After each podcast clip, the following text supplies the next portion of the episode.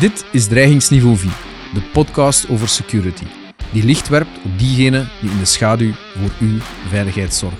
Mijn naam is Jannik de Smet, vroeger advocaat, nu actief in de private veiligheid en gepassioneerd door deze materie. Voor mij zit Fernand Hollevoet, 67 jaar en een bijzonder rijk gevulde carrière. Van KMS, Koninklijke Militaire School, naar CEO van verschillende ondernemingen, bijzonder indrukwekkend. Maar ik laat het hem liever zelf vertellen hoe deze mooie carrière is tot stand gekomen. Goedemorgen Fernand, Fernand Hollevoet. Vandaag gast in ons podcast Dreigingsniveau 4. Opnieuw in de warande. Deze keer ga ik in deze podcast afwijken van onze normale gang van zaken en gaan we niet, of ga ik niet jouw cv overlopen, maar gaan we eigenlijk samen door jouw levensgang heen gaan. En beginnen, beginnen we in het begin van uw carrière en eindigen uh, uh, waar wij elkaar hebben ontmoet en waar wij elkaar het meeste zien, onder andere uh, bij CPS. Dus laten we misschien van start gaan. Fernand, we hebben elkaar al vaak gezien, ook disclaimer, we kennen elkaar ook. Um, je hebt me al enkele keren verteld van het begin, of over het begin van jouw loopbaan bij de Rijkswacht, jouw studies aan de Koninklijke Militaire School. Misschien daarmee beginnen. Waarom heb je de Koninklijke Militaire School gekozen als studies? Het is zo dat ik, uh, voor ik naar de militaire school gegaan ben, eerst twee jaar burgerlijk ingenieur gestudeerd heb in Gent, waar ik uh, niet geslaagd was in het tweede jaar. Mijn moeder stond er toen alleen voor en kreeg geen studiebeurs meer om te bissen. Dus moest ik een andere richting uitgaan. Uh, en dan leek de militaire school een zeer volwaardig alternatief. Zowel de polytechnische afdeling ja. als de afdeling alle wapens. Ik heb toen gekozen voor de afdeling alle wapens, omdat daar rijkswachtofficieren gevorderd werd, uh, gevormd werden. Sorry. Terwijl bij de Polytechnici zaten er op dat ogenblik geen rijkswacht of kandidaat rijkswachtofficieren. Dan nadien uh, hebben we criminologie gestudeerd aan de Rijkswachtschool natuurlijk.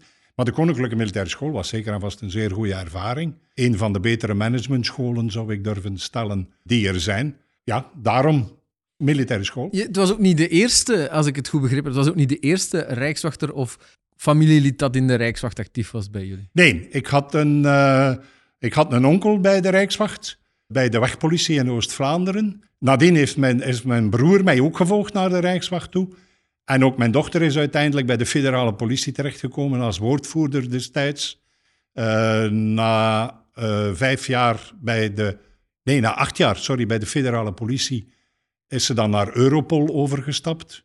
Dus weer in dat politionele milieu. Mhm. Eh, en nu is ze werkzaam bij EPO, de European Public Prosecutor Office in Luxemburg. Dus ze zit nog altijd in dat politioneel milieu. Dus het zijn een aantal generaties die elkaar opvolgen. Dus voilà, we zijn een veiligheidsminded familie. Top. Nu, je zegt, ja, het is een van de beste uh, leadership of, of management uh, studies. Waarom? Waar, waarom zeg je dat? Omdat je daar vooral hebt leren omgaan met mensen, met groepen, groepen leiden. Hè? De manier van hoe je met, ik zeg maar even in militaire termen, met een peloton of met een escadron een bepaald doel uh, gaat veroveren. Dat zowel in omstandigheden die overleg toelaten, maar ook in omstandigheden die geen overleg toelaten. Wanneer je voor een aantal betogers staat in de wedstrijd, moet je niet eerst gaan overleggen wat je doet. Maar uh, daar voer je de bevelen uit, daar voer je het manoeuvre uit dat uh, naar voren gebracht is door de leiding. Dus beide omstandigheden laten toch wel toe om echt manager te kunnen zijn van jouw mensen. Oké, je studeert af aan de Koninklijke Militaire School. Je kiest dan inderdaad om na de opleiding criminologie en dergelijke naar de Rijkswacht te gaan. En of tijdens jouw traject binnen de Koninklijke Militaire School kies je voor de Rijkswacht. Kom je dan terecht in een uh, operationeel peloton of, of waar ga je naartoe? Ja, nee, dus na twee jaar militaire school moesten we twee jaar criminologie studeren. Mm -hmm. Dat was in Gent, aan de universiteit in Gent. En waren we gekaserneerd in de Groendreef in Gent. En nadien volgde dan hier in Brussel de zogenaamde applicatieschool gedurende 15 maanden, waar werkelijk het beroep van officier werd uh, meer technisch, laten we zeggen, onderwezen. Hè? En nadien werd je in een eenheid geplaatst. Maar gezien mijn technische achtergrond, ik haalde tijdens mijn studies altijd zeer goede punten in technische vakken, zoals statistiek of dergelijke meer, werd ik uh, door de leiding van de Rijkswacht nogal snel geduwd in de richting van een technische officierenfunctie. En zo kwam ik dus terecht in de telecommunicatieafdeling, het toenmalige hoofddirectie van de communicatie uh, in het begin, met, samen met een groep burgerlijke ingenieurs. Uh, moesten wij dan, ja, wat hebben we gedaan? Lastenboeken schrijven, offertes geëvalueerd, investeringsprogramma's gemaakt en dergelijke uh, zaken meer. Waarbij ik dus zeer nauw uh, in contact gekomen ben met alle aspecten van de wet op de overheidsopdrachten. Voordat we misschien op die overheidsopdrachten uh, verder gaan, wat was een van de grote projecten die jij hebt gedaan in die periode? Wel, het laatste grote project wat ik gedaan heb was Astrid, het fameuze radionetwerk, waar ik de eerste projectleider van was op het ogenblik dat minister Tobak toenmalig uh, Binnenlandse Zaken, hè, besliste dat het radionetwerk van de Rijkswacht moest vervangen worden wegens uh, ouderdom, maar dat dat ook moest dienen voor alle hulpdiensten. Dus het moest een radionetwerk worden, niet enkel voor de Rijkswacht, maar ook voor de brandweer, de douane, uh, de civiele bescherming en andere hulpdiensten. Daarvan was ik de eerste projectleider en wat ik daar vooral gedaan heb, was niet het technische, maar meer het functionele. Ik ben een grote voorstander van bijvoorbeeld in lastenboeken functionele behoeften te beschrijven eerder dan technische behoeften. laat de functionele behoeften maar vertalen in technische behoeften door de aanbieders. Je moet dat als klant niet noodzakelijk doen. Je zegt wat je functioneel nodig hebt. Dat is een kans voor innovatie. Want op dat moment kunnen die andere aanbieders, de bedrijven, kunnen dan innoverende ideeën naar voren brengen uh, om jouw functionele behoeften te voldoen. Aanbestedingen hè, is inderdaad toch een onderwerp. Uh, en, en wanneer we het over publiek-private samenwerking hebben, is dat een sleutelelement. Uh, jij die veel ervaring hebt in die wereld van die aanbestedingen, wat zijn de evoluties die je hebt gezien? En zijn er nog punten waarvan je nu nog denkt, dat zou toch wel beter kunnen? Oh, ik heb weinig evoluties gezien eigenlijk. Als ik nu kijk naar de problemen die politiediensten hebben bij aanbestedingen, dan uh, heb ik een déjà vu gevoel. Oké. Okay. Uh, er is weinig veranderd. Uh, om er maar twee te noemen, het is nog altijd een zeer groot probleem dat men de goedkoopste conforme offerte moet kiezen. Goedkoop is niet altijd goed. U kent de uitdrukking: if you pay peanuts, you get monkeys. Dus die regel van de goedkoopste, of laten we zeggen, het belang procentueel gezien in de evaluatie van de offertes van de prijs is voor mij nog altijd te groot. Het tweede obstakel waar wij heel geregeld tegen aangelopen hebben en wat nog altijd van belang is, denk ik, is de rol die de inspecteur van financiën hierin speelt. Heel wat van onze projecten werden afgeketst door de inspecteur van financiën omdat hij de behoeften niet begreep. Volgens mij is de rol van de inspecteur van financiën bestaat of staat deze investering in het budget, in het investeringsbudget. Voldoet dat budget? Maar de inspecteur van financiën moet zich niet uitspreken over heeft de politie dat wel nodig? En dat doet hij nog te veel. En daar zijn heel veel projecten die wij hadden uh, op uh, gestoten. Wij hadden gelukkig uh, een aantal mogelijkheden waar we toch heel speciale behoeften hadden, die ons toelieten, laten we zeggen, de wet een beetje te omzeilen en maar met heel specifieke leveranciers te gaan werken. Ik denk bijvoorbeeld aan bewapening. Heb jij, heb jij voorbeelden van situaties waar de wetgeving inderdaad tot een slecht resultaat heeft geleid? Waar je zegt, kijk, doordat wij in zo'n vast verhaal of zo'n vaste structuur zitten, doordat er um, de problematiek rond prijs zo uh, doorslaggevend is en kwaliteit eigenlijk niet altijd voldoende aandacht krijgt in het kader van die aanbestedingen, dan je zegt, ja goed, daar hebben we een keuze gemaakt, maar die is eigenlijk, eigenlijk was dat niet de goede. Omdat we verplicht waren om de goedkoopste prijs te kiezen. God, weet je, Janik, ik geef liever geen negatieve voorbeelden. of een goed voorbeeld dan? Het ik uh, geef liever een goed voorbeeld. Een goed voorbeeld is bijvoorbeeld naar aanleiding van de bomaanslag aan het VBO, Mhm. waarbij twee brandweerlui uh, gedood werden, omdat zij niet wisten dat een brandende wagen eigenlijk een bomauto was. Mhm. Naar aanleiding daarvan werd er op dat ogenblik dan beslist dat alle communicatie binnen de communicatiecentra van de Rijkswacht moest opgenomen worden. Het is zo dat de telefoongesprekken die gevoerd werden van de berichten die binnenkwamen waar, eh, opgenomen werden, maar niet bijvoorbeeld de telefoongesprekken tussen politie en brandweer. En de discussie daar was duidelijk van, heeft de Rijkswacht gemeld aan de brandweer dat het een bomauto was of dat het een brandend voertuig was? Mhm, Hè? En naar aanleiding daarvan werd dan beslist van inderdaad, dit moet, eh, alles moet opgenomen worden. Niet alleen de radiogesprekken, niet alleen de binnenkomende telefoongesprekken van de burgers, maar ook de interne gesprekken tussen de verschillende hulpdiensten. Daar hebben wij dan een lastenboek voor geschreven en in plaats van te kiezen voor de klassieke bandopnemers met de grote wielen, Ja. die heel traag draaien, werd er gekozen voor een digitale oplossing die ons voorgesteld werd door het toenmalig bedrijf Lernout en Houspie, Mhm. waarbij alle gesprekken opgenomen werden op harde schijven, op computers, die het mogelijk maakten om enerzijds eh, veel gemakkelijker te zoeken naar een bepaald gesprek. En die ons in een tweede fase eventueel zelfs zouden toelaten om met allerhande nieuwe technologische middelen, waarbij Lernout en Houspie toch wel een, een voorloper was, eh, de inhoud van de gesprekken ook te analyseren binnen een wettelijk kader.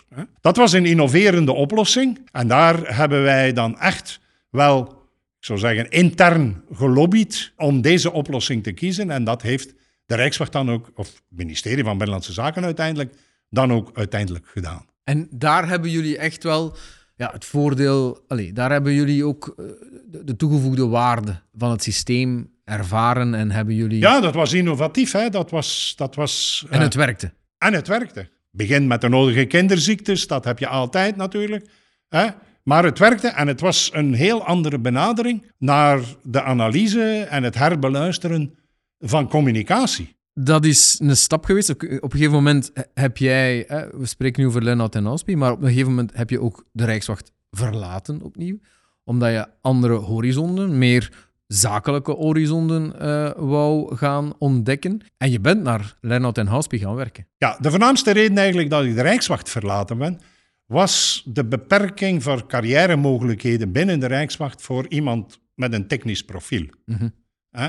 Ik was eh, automatisch tot aan de graad van kapitein geraakt, maar ik moest mij dan aanbeelden, aan- aanmelden voor het majoorsexamen, het fameuze majoorsexamen. Een majoorsexamen dat gestoeld was op alle principes van generalist zijn. Maar zoals eh, reeds gezegd, ik heb nooit in een betoging gestaan aan de politiekant dan. Ja. Ik heb nooit een verkeersongeval vastgesteld of ik heb nooit een moordonderzoek gedaan, nooit geen recherche gedaan. Dus ik was serieus benadeeld om naar dat majoorsexamen te gaan. En ik herinner mij, mijn evaluatie op dat ogenblik was dat mijn technische achtergrond, hoewel zeer uitstekend, een belemmering zou zijn om majoor te worden. En door de beperking van deze loopbaanmogelijkheden heb ik gezegd, als het zo zit, dan ga ik andere horizonten opzoeken. En ben ik gaan uitkijken naar eh, de privésector. Ik had dan ook beslist op dat ogenblik om een MBA, Master in Business Administration, te gaan doen. En om, om die stap, laat ons zeggen, voor te bereiden.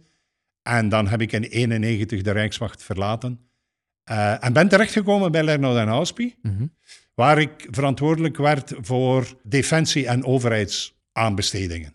Weer gebaseerd één op mijn netwerk en twee eh, op mijn veiligheidsingesteldheid, laat ons zeggen. En drie op mijn bekendheid natuurlijk met de wet op de overheidsopdracht.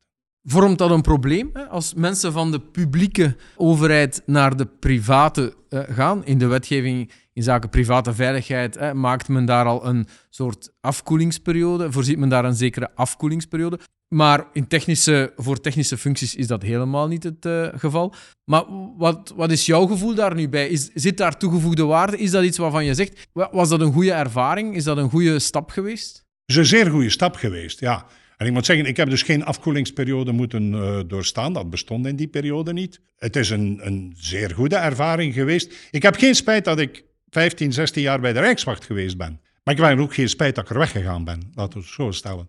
Nee, de toegevoegde waarde was, was toch wel eh, belangrijk, vond ik. Je kan gaan stellen dat ik bij de Rijkswacht verantwoordelijk was dus voor telecom bij een grote klant met heel specifieke behoeften. Hè? Eh, dus ik kende de klantenbehoeften wel goed. En nu was mijn overstap naar de leveranciers van dergelijke installaties en producten en diensten. En het is dus voor zo'n leverancier inderdaad belangrijk van mensen te hebben die zeer goed de behoeften kenden. Mhm.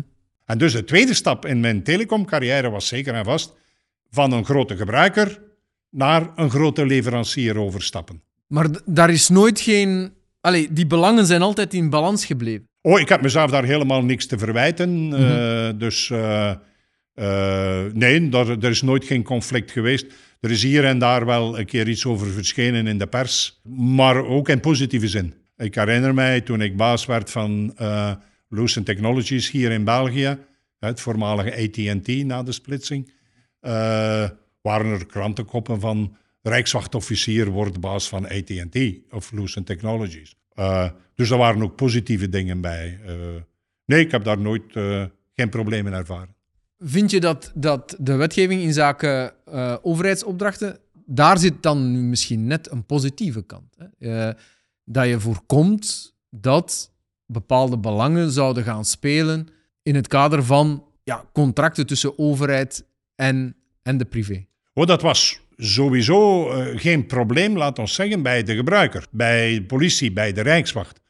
Dat er op een hoger niveau, hè, want er werd uiteindelijk beslist op ministerieel niveau, dat er op een hoger niveau belangenconflicten konden zijn, dat eh, ga ik misschien niet ontkennen. Maar eh, wij, wij, ja, wij, Maar niet bij de aankoopdienst. maar die, zeker niet bij de aankoopdiensten. Nee, zeker en vast niet. En zeker ook niet bij de technische mensen die de lastenboeken moesten evalueren of schrijven en dergelijke meer. Nee, nee, nee. Zeker niet. Dus zeg je eigenlijk een beetje van ja, die wetgeving in zaken overheidsopdrachten, je hebt daar eigenlijk een kant dat moet zorgen voor een eh, correcte marktgang. Je hebt een kant dat moet zorgen voor de juiste keuze van bestelling van, van goederen op basis van de functionele eigenschappen, op basis van een correcte prijs en op basis van een marktbeoordeling. Maar dus dat eerste deel, dat is er, maar daar, kan wel, allee, daar, daar is wel wat rek op wanneer je in de hogere echelons eh, gaat. Laat het mij anders stellen. Wat wij op ons niveau, slash technische diensten en aankoopdiensten, deden bij de evaluatie van offertes, was ervoor zorgen dat op technisch vlak degenen die we absoluut niet wilden, niet weerhouden werden. Maar niet in de positieve zin dat degenen die we wilden, zou gekozen worden. En we moesten er toch wel inderdaad voor zorgen dat de hogere echelons een keuze geboden werd. We konden ons niet permitteren om te stellen dat eh, slechts één bedrijf voldoet aan alle eisen van de offerte. Want dan werd er natuurlijk weer al snel naar een beschuldiging gegrepen van ja, maar ja, het lastenboek is geschreven op basis van de technologie van dat bedrijf. En dus, nee, we, we zorgden voor de negatieve klank. Ervoor zorgen dat we niet opgescheept zaten met iets wat we absoluut niet wouden. Oké. We gaan verder in jouw carrière. Hè? Koninklijke Militaire School, Rijkswacht, Lernout en Houseby. Je sprak al even over Lucent. Kan Lucent, je daar misschien nog eh, een aantal... eh, Ja, dus dan ben ik inderdaad... Eerst was dat AT&T Network Systems... Maar bij de splitsing van AT&T in drie bedrijven wegens eh, Amerikaanse wetgeving... werd onze afdeling ondergebracht onder Lucent Technologies... die nadien Lucent Alcatel geworden is. De grote projecten die ik daar meegemaakt heb... is de opstart van Telenet... waar wij met Lucent Technologies een van de mogelijke leveranciers waren... naast Siemens en Alcatel. Dat zijn zo'n beetje de grote lastenboeken die ik daar eh, heb eh, gedaan. En eh, op zeker moment werd ik dan managing director voor België van Lucent Technologies. En na drie succesvolle jaren hier in België heb ik de kans gehad om managing director te worden of regional director te worden voor Middle East Afrika. En ben ik voor Lucent Technologies verhuisd naar Bahrein. Met de verantwoordelijkheid dus eh, Midden-Oosten plus Afrika. En hoe lang heb je dat dan? eh? Dat heb ik twee jaar gedaan. En dan ben ik teruggekomen naar België om eh, CEO te worden van KPN België. Dat is een beetje de derde, het derde luik in mijn telecomcarrière. Na grote gebruiker, na grote leverancier, werd ik dan grote netwerkoperator. En werd ik geconfronteerd, laat ons zeggen, met de problematieken van een netwerkoperator. Dat heb ik ook eh tweeënhalf jaar gedaan. En op dat ogenblik is KPN België en zijn alle activiteiten van KPN in België stilgelegd geworden door de Nederland, uh, door de Nederlanders. KPN België werd onder andere door Scarlett Mhm. overgekocht. En ik wou die overstap niet meemaken uh, naar, naar Scarlett. Ik wil even teruggrijpen tot wat je daarnet verteld hebt. Hè? Dus Koninklijke Militaire School was ook een goede managementschool, omdat je leerde omgaan met mensen, zowel voorbereid als tussen aanhalingstekens onvoorbereid. Allee, Ja. Zijn er nog capaciteiten die je daar hebt geleerd, bij KMS hebt geleerd, en die dan achteraf in een CEO of een managing director functie belangrijk zijn? Want je gaat daar eigenlijk een kleinere groep mensen gaan zien, denk ik, maar meer procesmatig gaan actief zijn. Of vergis ik me? Maar ja, maar processen zijn hetzelfde als tactieken en strategieën in een militaire wereld of in een Mhm. politionele wereld. Hè? En die zijn altijd gebaseerd eerst op een analyse en dan op het trekken van een conclusie en het nemen van een beslissing. Uh, dingen die we zeker en vast geleerd hebben tijdens onze opleiding was snel beslissen op basis van de gegevens die je op dat ogenblik hebt. Snel beslissen betekende snel analyseren en durven beslissingen nemen uh, als het moet.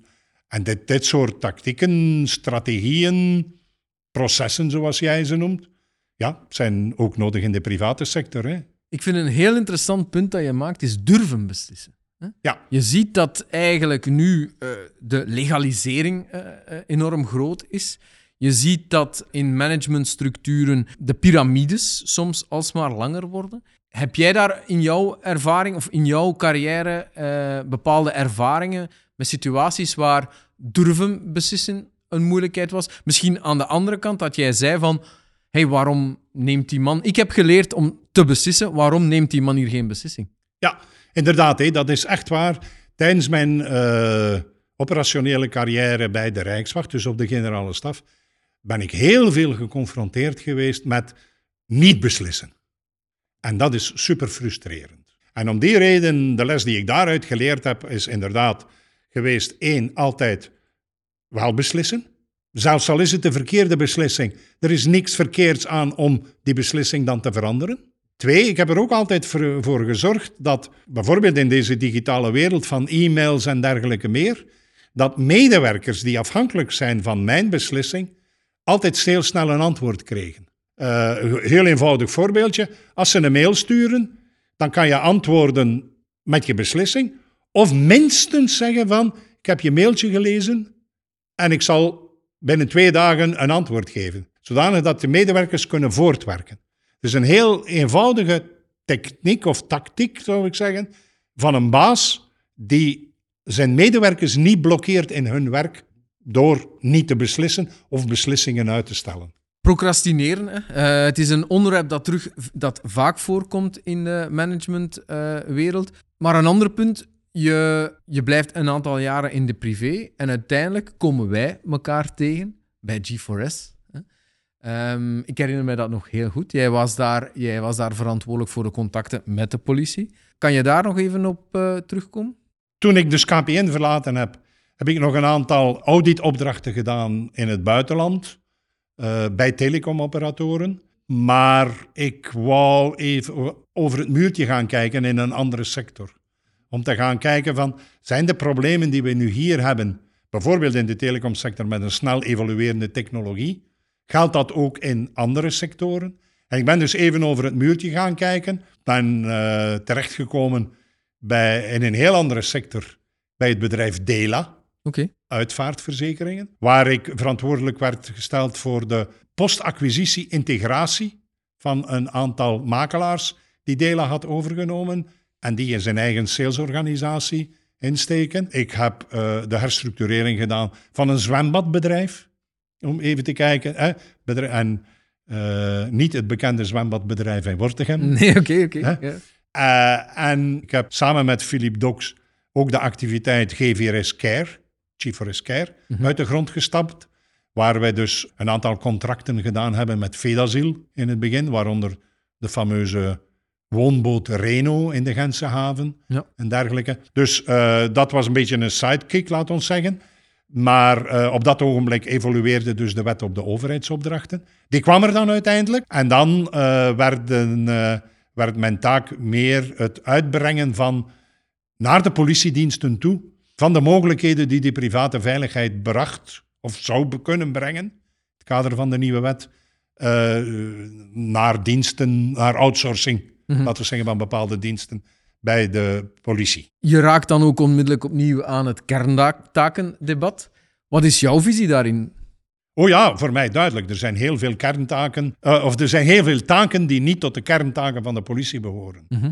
Zeker en vast in het kader van mijn visie van toen ik nog in de jaren 80 en 90 bij de Rijkswacht was. In die tijd, ik herinner mij, de Rijkswacht, die toen nog deel uitmaakte trouwens in het begin eh, van landsverdediging, die een van de vier machten was op dat ogenblik, eh, moest zelfbedruipend zijn. De Rijkswacht moest alles zelf doen.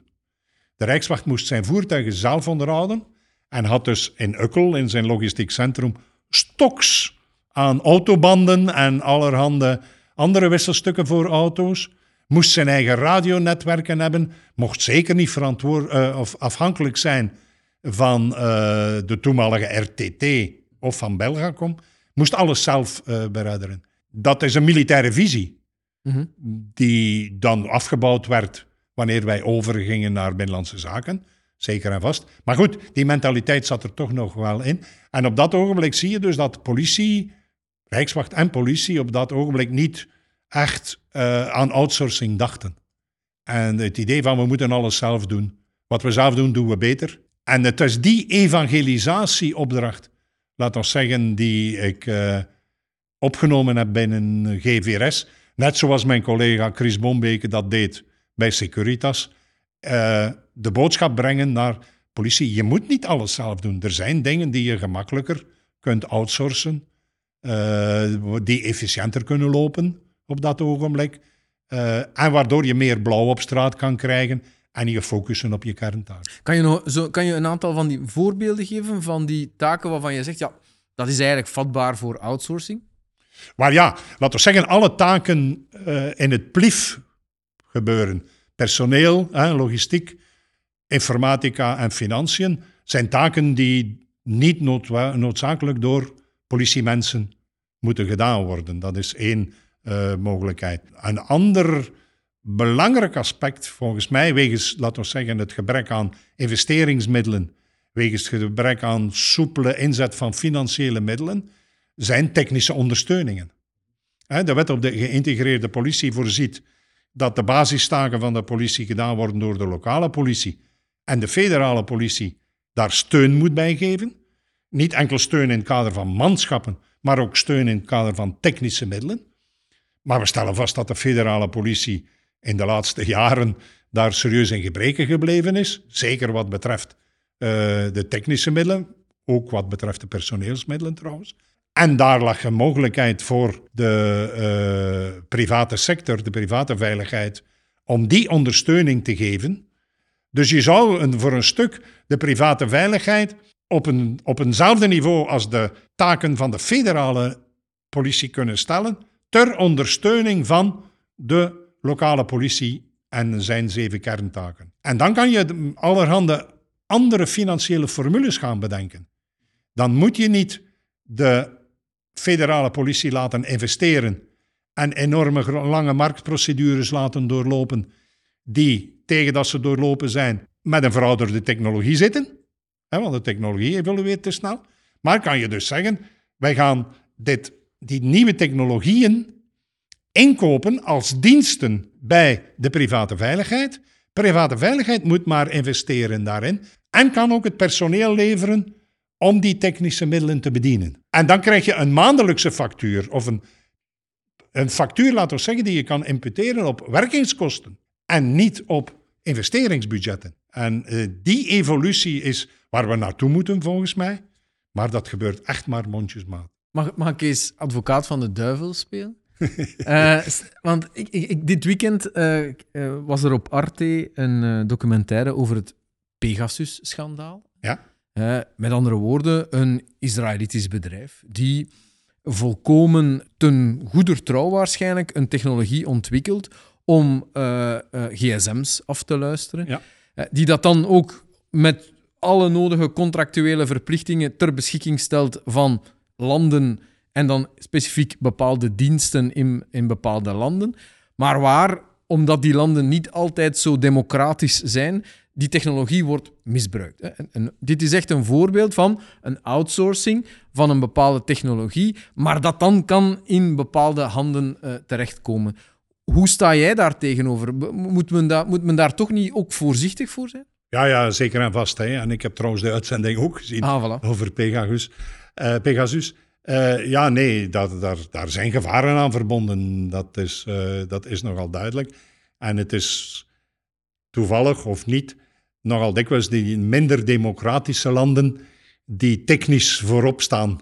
Uh, en dat zijn dan de afwegingen die je moet maken en waar je zeker en vast de nodige beschermingen uh, moet voorzien om misbruik daarvan te voorkomen. Een, ik kan niet zeggen laatste stap, maar een volgende stap is uh, jouw functie of wat je nu nog doet binnen CPS. Ik denk dat dat heel waardevol is gezien jouw ervaring. Kan je daar nog even iets uh, Wel ja, inderdaad. Het is dus zo dat op, toen ik op pensioengerechtigde leeftijd kwam, maar zoals iedereen waarschijnlijk toch een beetje te jong ben om thuis in de zetel te gaan zitten en televisie te gaan kijken, uh, wou ik actief blijven. Wou ik enerzijds uh, in contact blijven met mijn netwerk, waar ik heel veel vrienden heb in die politionele wereld. En wou ik toch ook mijn managementervaring en dergelijke meer toch ten dienste stellen van iemand. En zo ben ik dus terechtgekomen bij uh, het Centrum voor Politie, of Center for Policing and Security, zoals dat nu heet. Het interessante aan het CPS is inderdaad het platform dat gecreëerd wordt tussen de academici en de praktici, in casu de politie, maar in het algemeen de veiligheidsdiensten, uh, private veiligheid, maar ook brandweer, douane en dergelijke meer. Ik ben daar in, naast, na een tijdje in de raad van bestuur terechtgekomen in het dagelijks bestuur en hou mij nu inderdaad bezig met uh, het financiële rond de, het CPS, het organisatorische, de governance en dergelijke meer. En dat biedt mij de mogelijkheden via de activiteiten van het CPS om in die wereld actief te blijven en als vrijwilliger daar ja, bij te dragen. Ja, dat is echt mooi. We sluiten onze podcast steeds af met uh, drie dezelfde vragen. En uh, de eerste vraag die we hebben. Kijk, jouw carrière is rijk gevuld. Hè? Daar zit een groot stuk veiligheid in, daar zit een stuk management in, daar zit um, ook uh, lobbywerk in. Maar ik, ik grijp terug naar dat deel over de veiligheid. En mijn vraag aan jou is: als jij iemand zou kunnen beschermen, uh, iemand, een vereniging, een persoon, een, een groep mensen, wie zou jij dan zeker ten allen tijde willen beschermen? Dat is een moeilijke. een, een, zeer moeilijke. Ik denk dat we de dag van vandaag een belangrijke problematiek hebben rond de veiligheid van de veiligheidsmensen. De aanvallen op de politie, het geweld tegen de politie. En ik ben me zeker en vast ook bewust van de problematiek van het geweld door de politie. Maar ook het geweld tegen de politie, het statuut van de politie. Dus de veiligheid van de veiligheidsmensen in het algemeen. Dat is heel mooi. Dat is een heel mooi antwoord. Het omgekeerde dan. Zijn er groepen, mensen, verenigingen, bevolkingen, whatever, uh, waarvan je zegt, ja, die kunnen we niet beveiligen, die mogen we niet beschermen, die kunnen we niet be be beveiligen? God, dat is nog een moeilijker, denk ik, uh, Jannik. Uh, ja, nee, ik kan hier geen politieke uitspraken doen, dus ieder mens heeft recht op veiligheid. Zeker en vast op fysieke veiligheid. Hè? Er zijn mensen die misbruik maken uh, van de uh, vrijheid van het woord, van de uh, vrijheid van de speech. Hè? maar, maar ja, nee, dat, iedereen mag zijn zeg doen, zolang of dat ze maar niet fysiek worden. Oké. Okay. En een finale vraag is: heb jij nog een tip in zaken veiligheid in de brede zin? Heb jij voor de luisteraars nog een tip rond hun veiligheid of veiligheid, maatschappelijke veiligheid? Goed opletten u bewust zijn van het feit dat ondanks dat het er misschien veilig uitziet, het niet altijd veilig is. Ik ga niet zeggen dat je daarmee constant uh, over je schouder moet kijken, maar ergens toch wel steeds attent zijn dat uh, onveiligheid uh, om het hoekje kan loeren. Is dat iets dat jij persoonlijk ook doet? Zeker en vast. Ik ga in een menigte niet in, in een conflicterende situatie mij begeven. Uh, nee, goed opletten. Oké, okay. dankjewel, dankjewel Fernand. Graag gedaan. Fijn dat je naar deze aflevering van Dreigingsniveau 4 luisterde. Deze podcast wordt gesponsord door G4S.